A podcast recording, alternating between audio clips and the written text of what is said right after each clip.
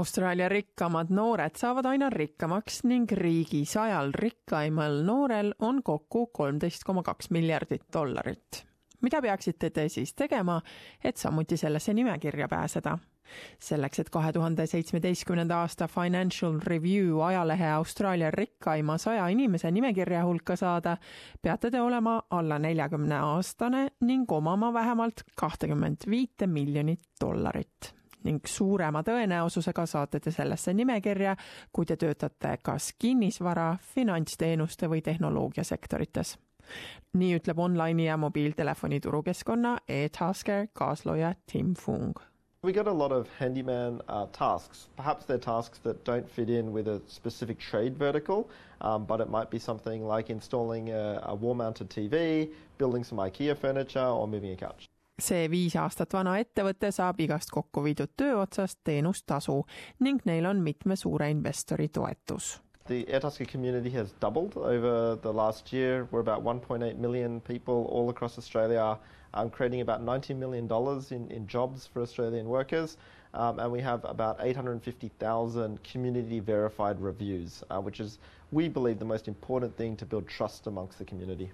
See on kolmekümne nelja aastasest Tim Fungist ja tema kaasloojast Jonathan Lewis'st väga rikkad mehed teinud. Financial Review sõnul on nende mõlema rikkus kokku nelikümmend üks miljonit dollarit ning nad on noorterikaste nimekirjas kuuekümne kuuendal ja kuuekümne seitsmendal kohal. I would say that we're absolutely still on a journey um, and I don't have forty one million dollars in my bank account.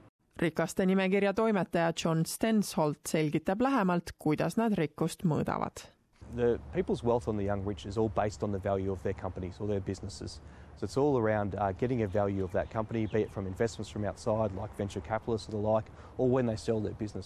Stensolt lisab, et e-Taskeri kaasloojad on kõigest kaks kõigist kolmekümne kaheksast protsendist tehnoloogiasektori ettevõtjatest, kes rikaste nimekirja kuuluvad That's really something that dominates uh, the list because I guess you've got social media, you've got marketing that you can all do online these days. You can promote your business online, you can have a business online through apps. Nick Mirkovitš ja Alex Tomic on hammaste valgendamise firma HiSmile omanikud ning nad kasutavad ainult sotsiaalmeediat ning mõjutavaid tegureid, et oma ettevõtet reklaamida olles kõigest kahekümne kahe ja kahekümne nelja aastased, on nad ühed noorimad inimesed selles nimekirjas. Neil on kokku nelikümmend kuus miljonit dollarit ning nad on kahekümne seitsme uue nimekirjas olija seas nimekirja tipus on viiendal kohal Melbourne'i kinnisvaraarendaja Tim Kerner, kelle vara on üle neljasaja kuuekümne viie miljoni dollari väärt. veebiturundusteenuste pakkujatest duo Dave Greineri ja Ben Richardsoni firma Campaign Monitor on kolmandal ja neljandal kohal, nende vara suuruseks on kokku kuussada seitse miljonit dollarit. Kuid kõiki edestavad pika puuga kontori tarkvarafirma Atlassiani kaasloojad Mike Cannon Brooks ja Scott Farquhar kelle kogu vara ulatub kuue koma ühe miljardi dollarini. John Stensolt ütleb, et firma Ameerikas asuvad aktsiad purustasid hiljuti rekordi. Atlassian has built a product that helps productivity. So in effect, it can be used all around the world. So it's not just based in one geographical location. It doesn't have to just be an Australian business. It can be used anywhere. So they've used technology, they use the internet to go all around the world. And that's, that's the secret of its success. Stenholt tunnistab aga, et see nimekiri ei ole soolises tasakaalus There's only nine women out of 100 on the young rich, which I think is really disappointing. It shows you that the technology industry, I think, is still dominated by men. There's moves afoot to try and change that.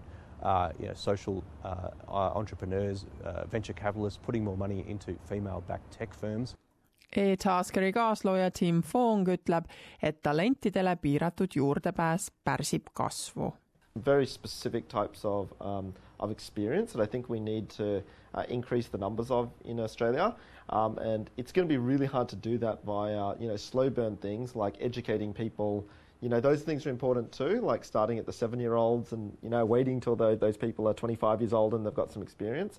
But I definitely think we could be um, increasing the ease of which people can um, import talent into the country.